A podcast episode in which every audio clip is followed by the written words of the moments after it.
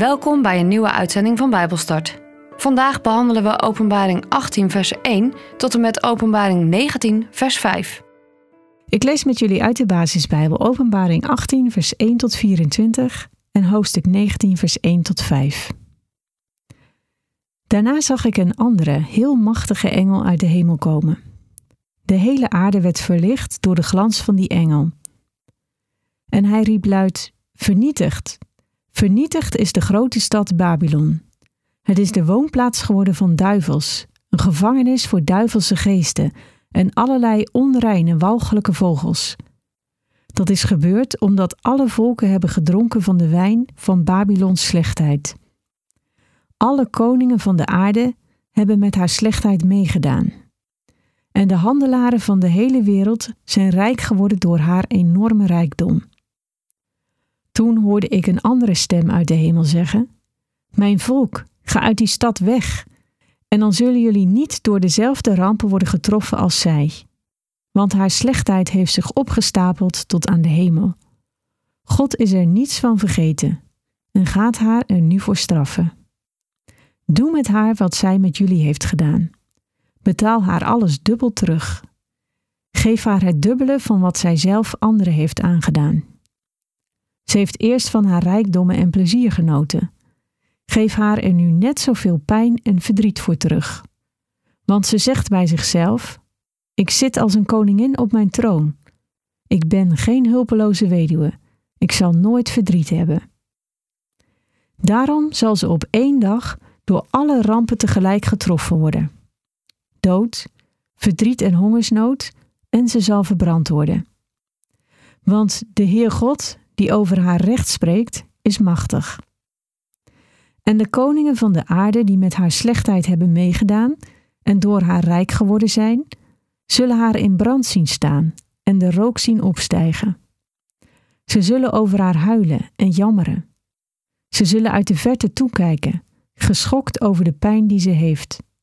En ze zullen zeggen: Wat vreselijk! Jij grote, sterke stad Babylon, in één ogenblik ben je vernietigd. En de handelaren van de aarde zullen over haar huilen en treuren, omdat er nu niemand meer is die hun koopwaar nog koopt. Want Babylon kocht alles: goud, zilver, edelstenen en parels, fijn linnen, dure blauw en rood geverfde stoffen, zijde, geurig hout, allerlei voorwerpen van ivoor en van dure houtsoorten, van koper, ijzer en marmer, ook kaneel, specerijen, wierook, parfum, wijn, olijfolie, meel en tarwe, kamelen en ezels, schapen, paarden en wagens en lichamen en zielen van mensen. Ze zullen uitroepen: Al die heerlijke en mooie en dure dingen die je zo graag wilde hebben, zijn verdwenen.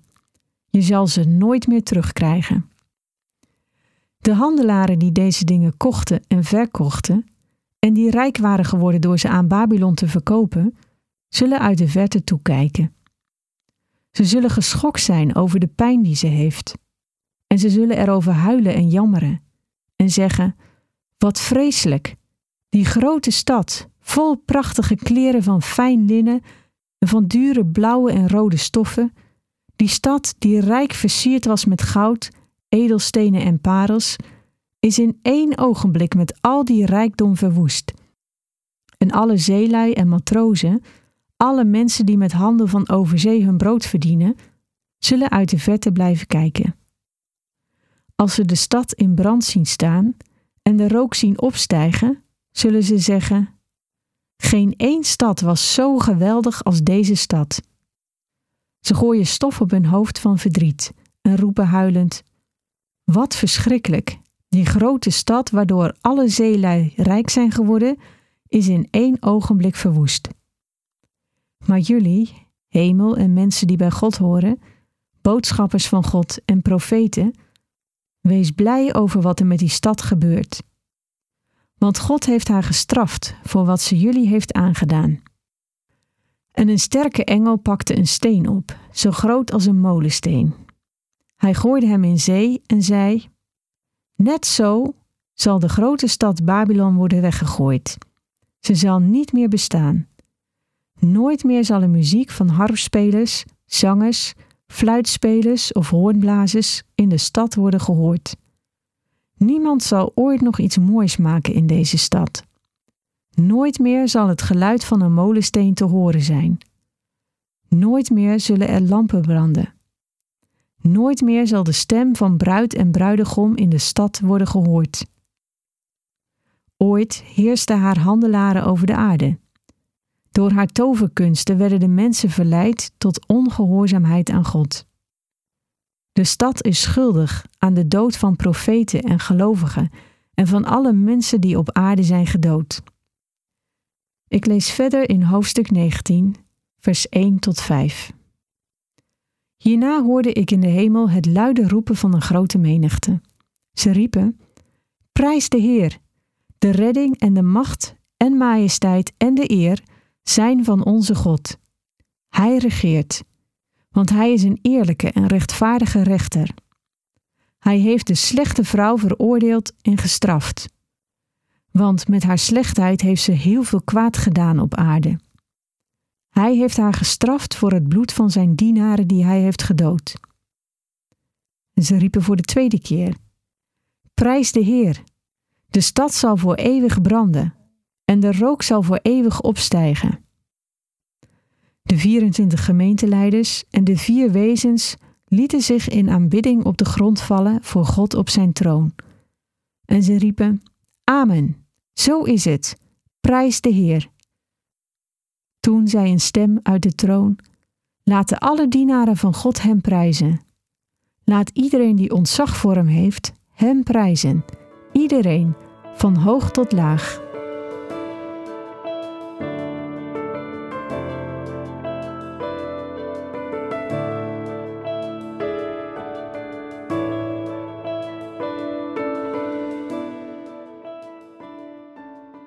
Vandaag behandelen we hoofdstuk 18 en de eerste vijf versen van hoofdstuk 19. In de basisbijbel zie je ook dat hoofdstuk 18 doorloopt in hoofdstuk 19. En dat er pas boven vers 6 een nieuw opschrift staat. In dit gedeelte gaat het over de volledige vernietiging van Babylon. Babylon is het beeld dat Johannes gebruikt voor de slechte wereldmacht en alles waar die voor staat. Uiteindelijk zal er een einde komen aan alles wat Gods plan in de weg staat. Na zo'n lange tijd heeft God genoeg momenten van inkeer gegeven. Maar nu lezen we toch echt van een behoorlijk gewelddadige manier waarop het allemaal ten einde komt. In openbaring wordt Babylon vaker gebruikt. Het staat voor een immoreel keizerrijk. Het was een verdorven stad. Het centrum van de afgodendienst en de afgodenverering. Babylon plunderde Jeruzalem en voerde het koninkrijk van Juda weg. Babylon was de grootste vijand van de Joden. Daartegenover staat het Romeinse Rijk. Dat was namelijk de grootste vijand van de eerste christenen. En Babylon is dus eigenlijk ook Rome, die de christenen verdrukte. En dus staat Babylon hier voor alle vijanden van God in het verleden, het heden en de toekomst. In de vorige uitzending hebben we het er ook al over gehad dat Babylon waarschijnlijk symbool staat voor alles en iedereen wat zich tegen Jezus verzet. In Rome was het zo dat er zakenmensen waren in het Romeinse Rijk die rijk werden door winst te halen uit de zondige dingen van hun samenleving. Denk daarbij bijvoorbeeld aan prostitutie en het organiseren van orgies, maar niet alleen op het gebied van seks werden mensen gebruikt om voor die modellen op te zetten en er zelf beter van te worden. Ook op andere fronten van zondige genoegens van de medemens wisten ze winst te behalen. En er zijn nog steeds zakenmensen die weten wat verleidelijk is die inspelen op dat wat verslavend is. Kijk naar de omzetcijfers van een willekeurig fastfoodketen. Kijk naar het aantal leden van websites met verslavende beelden. Kijk naar het aantal mensen met een verslaving. Deze mensen wisten daar winst uit te behalen. Christenen worden vaak gewaarschuwd om op te letten voor rijkdom. Meestal is de norm dat als je christen bent, je geen geld mag vragen voor de dingen die je doet. En dat doen ze naar aanleiding van het beeld van Jezus. Hij staat namelijk voor dienstbaar zijn, geven, zelfopoffering, gehoorzaamheid en waarheid. Maar om iets weg te kunnen geven moet je wel iets hebben. En daarnaast is onze God ook een vrijgevige God. Niet dat alle christenen dan maar multimiljonair moeten zijn, maar er is een groot verschil tussen multimiljonair zijn of jezelf en je diensten geen waarde toekennen. De arbeiders zijn nu eenmaal wel zijn loon waard. Een kapper krijgt geld voor de dienst die hij doet en de tijd die dat in beslag neemt. Een timmerman krijgt geld voor de dienst die hij doet en de tijd die dat in beslag neemt. Zouden christelijke timmermannen en christelijke kappers dan geen geld mogen vragen? In het geval van mensen die in dienst staan van God en van zijn koninkrijk, geldt volgens mij het idee wat God bedacht heeft voor de Levieten. De Levieten kregen een tiende deel van de andere stammen, en zo konden zij zich focussen op het werk waar God hen voor geroepen had. En de vraag is alleen of je de dingen voor je eigen genot doet, of dat je het doet voor Gods eer en het vergroten van zijn koninkrijk. Laat je dus niet betoveren door de macht van het geld. Geld wordt niet voor niets een afgod genoemd. Maar hebberig zijn en altijd maar meer en meer en meer willen hebben, is net zo'n grote afgod als altijd in schaarste denken. Want ook dat kan je leven compleet in de greep houden. Dus of je nu te veel of te weinig geld hebt, de vraag is altijd: houdt het jou weg bij God? Beheerst het je leven? Ben je er continu elke dag mee bezig? Of neem je genoegen met genoeg en geef je weg wat jij van God gekregen hebt, zodat je weer een zegen voor een ander kan zijn? Of probeer jij winst te halen uit slechte gewoontes en zondige verlangens van andere mensen? Of zet je juist je geld in en je tijd en je kwaliteiten om mee te bouwen aan Gods koninkrijk? Babylon had altijd in luxe geleefd. Alles was altijd overvloedig geweest. Ze had gebluft, alsof ze wilde zeggen dat zij niets van rouw en verdriet wist, omdat zij vol rijkdom was. En ook dat zie je vaak bij mensen waar het alleen maar draait om geld. Mensen die verdriet en rouw afkopen. En als ze iemand pijn gedaan hebben, willen ze het ook afkopen. Als je financieel geen zorgen hebt, dan kan het maar zo zijn dat je je onverslaanbaar voelt. Dat je alles onder controle denkt te hebben. En het grote gevaar is dat je God dan ook niet nodig denkt te hebben. Nogmaals, er is echt niets mis met er warmpjes bij zitten. Maar laat je er niet door misleiden en zie het als een zegen van God, als genade. En niet iets waar je God niet bij nodig hebt gehad. Gebruik je geld en je talenten en je capaciteit om God te dienen en anderen te helpen. Wees niet als Babylon. Er is namelijk een gevaar dat je alleen maar werkt voor geld en wereldse dingen. Op het moment dat dat dan wegvalt, heb je helemaal niets meer. Ons geloof, ons karakter, onze bijdrage in het koninkrijk van God zijn veel belangrijker dan geld, macht en genot. Mensen die het economisch voor het zeggen hebben, zullen rouwen bij de val van Babylon. De leiders van Babylon rouwen omdat ze meedeelden in de rijkdom van Babylon. De val beïnvloedt het systeem en iedereen die ervan genoten heeft en ervan afhankelijk was. En dan wordt in vers 12 en 13 een lijst met spullen genoemd van handelswaar. En dat is het symbool van het extreme materialisme van deze maatschappij. Bijna niets ervan is een levensbehoefte en eigenlijk alles is luxe. Maar de samenleving was toen zo uit op genot dat het bereid was om slechte manieren te gebruiken om toch aan al hun verlangens te voldoen. Zelfs mensen waren handelswaar geworden, levende mensen. Slaven dus. Ze werden aan Babylon verkocht. En niet alleen toen werd er gehandeld in mensen. Ook vandaag de dag lezen we daar nog steeds van. Als we de verhalen lezen van organisaties als IGM, nou dan gaan mijn nekharen echt overeind staan. Mensen die worden ingezet als handelswaar. Mensen die worden uitgebuit alsof ze een ding zijn, zonder identiteit. Het is ook vandaag de dag nog steeds aan de orde. En hoe meer welvaart er in een land is of in een wereld is, hoe makkelijker het is om God daar buiten te laten. Blijkbaar lukt het ons om die twee onderdelen in ons leven los van elkaar te zien. Maar als ze dat echt loszet, is er ook een gevaar dat een van de twee onderdelen het meeste aandacht vergt. Als jij materiële zaken en jouw relatie met God niet aan elkaar verbindt, dan kan het maar zo zijn dat je je helemaal focust op je materiële zaken en God dus volledig uit het oog verliest. Waak dus voor hebzucht. Het kan zomaar de relatie tussen jou en God verwoesten. Hoe makkelijk is het als je je nergens afhankelijk van voelt? Als je financieel een onbezorgd leven kunt leiden? Als je alles kunt doen en laten omdat je nergens door belemmerd wordt? Is dat echt zo makkelijk? Of verlies je dan de echte waarde van het leven, de echte waarde van gezondheid, van geld en bovenal Gods liefde, dan niet heel snel uit het oog?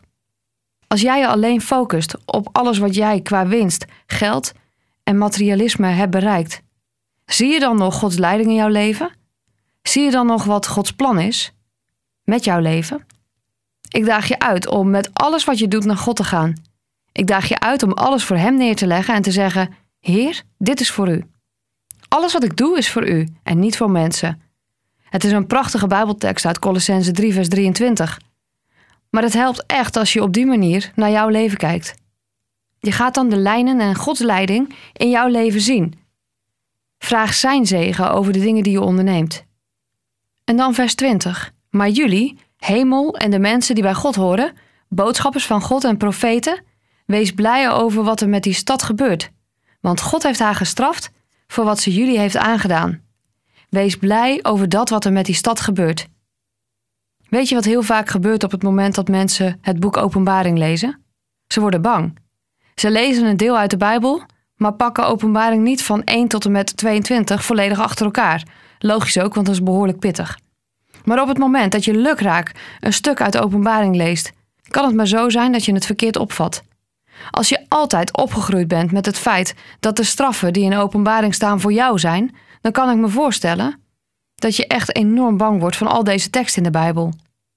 Maar volgens mij moeten we ons blijven focussen op het hele verhaal, op de hele context, en niet op maar één zinnetje of één vers eruit halen. En toch wil ik eventjes stilstaan bij vers 20. Want hier staat dat God zegt dat wij blij mogen zijn over alles wat er met die stad gebeurt. Wij, Gods kinderen dus, zijn niet die stad.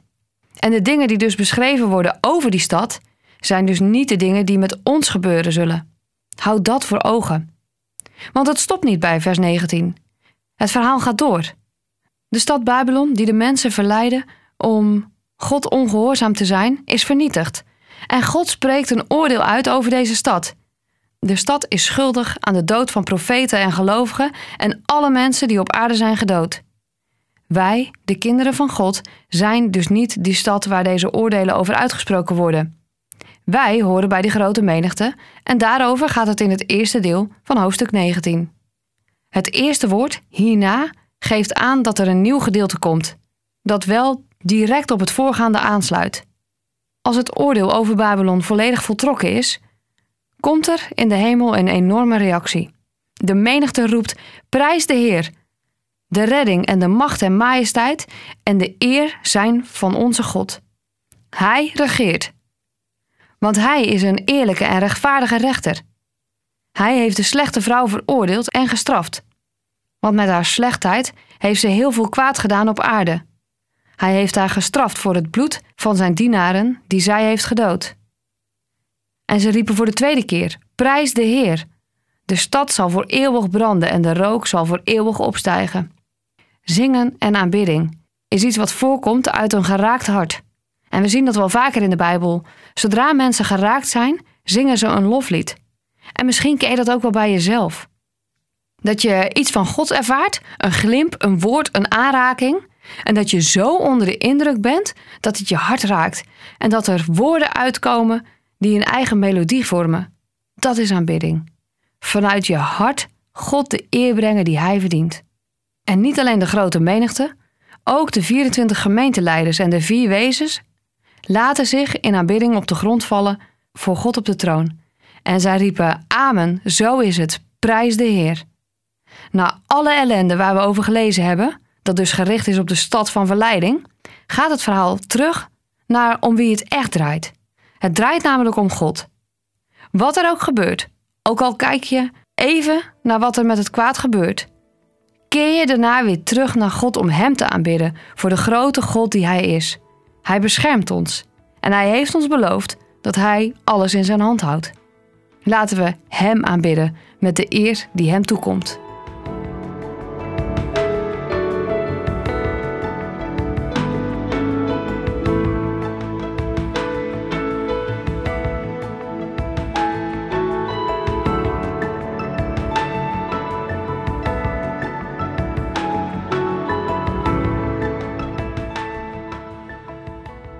Dit was Bijbelstart, een programma van TWR. Het is gebaseerd op het Amerikaanse programma Through the Bible, ook wel TTB genoemd. En deze uitzending is een samenvatting van twee afleveringen. Wil je meer weten? Ga dan naar ttb.org of ga naar twr.nl/bijbelstart.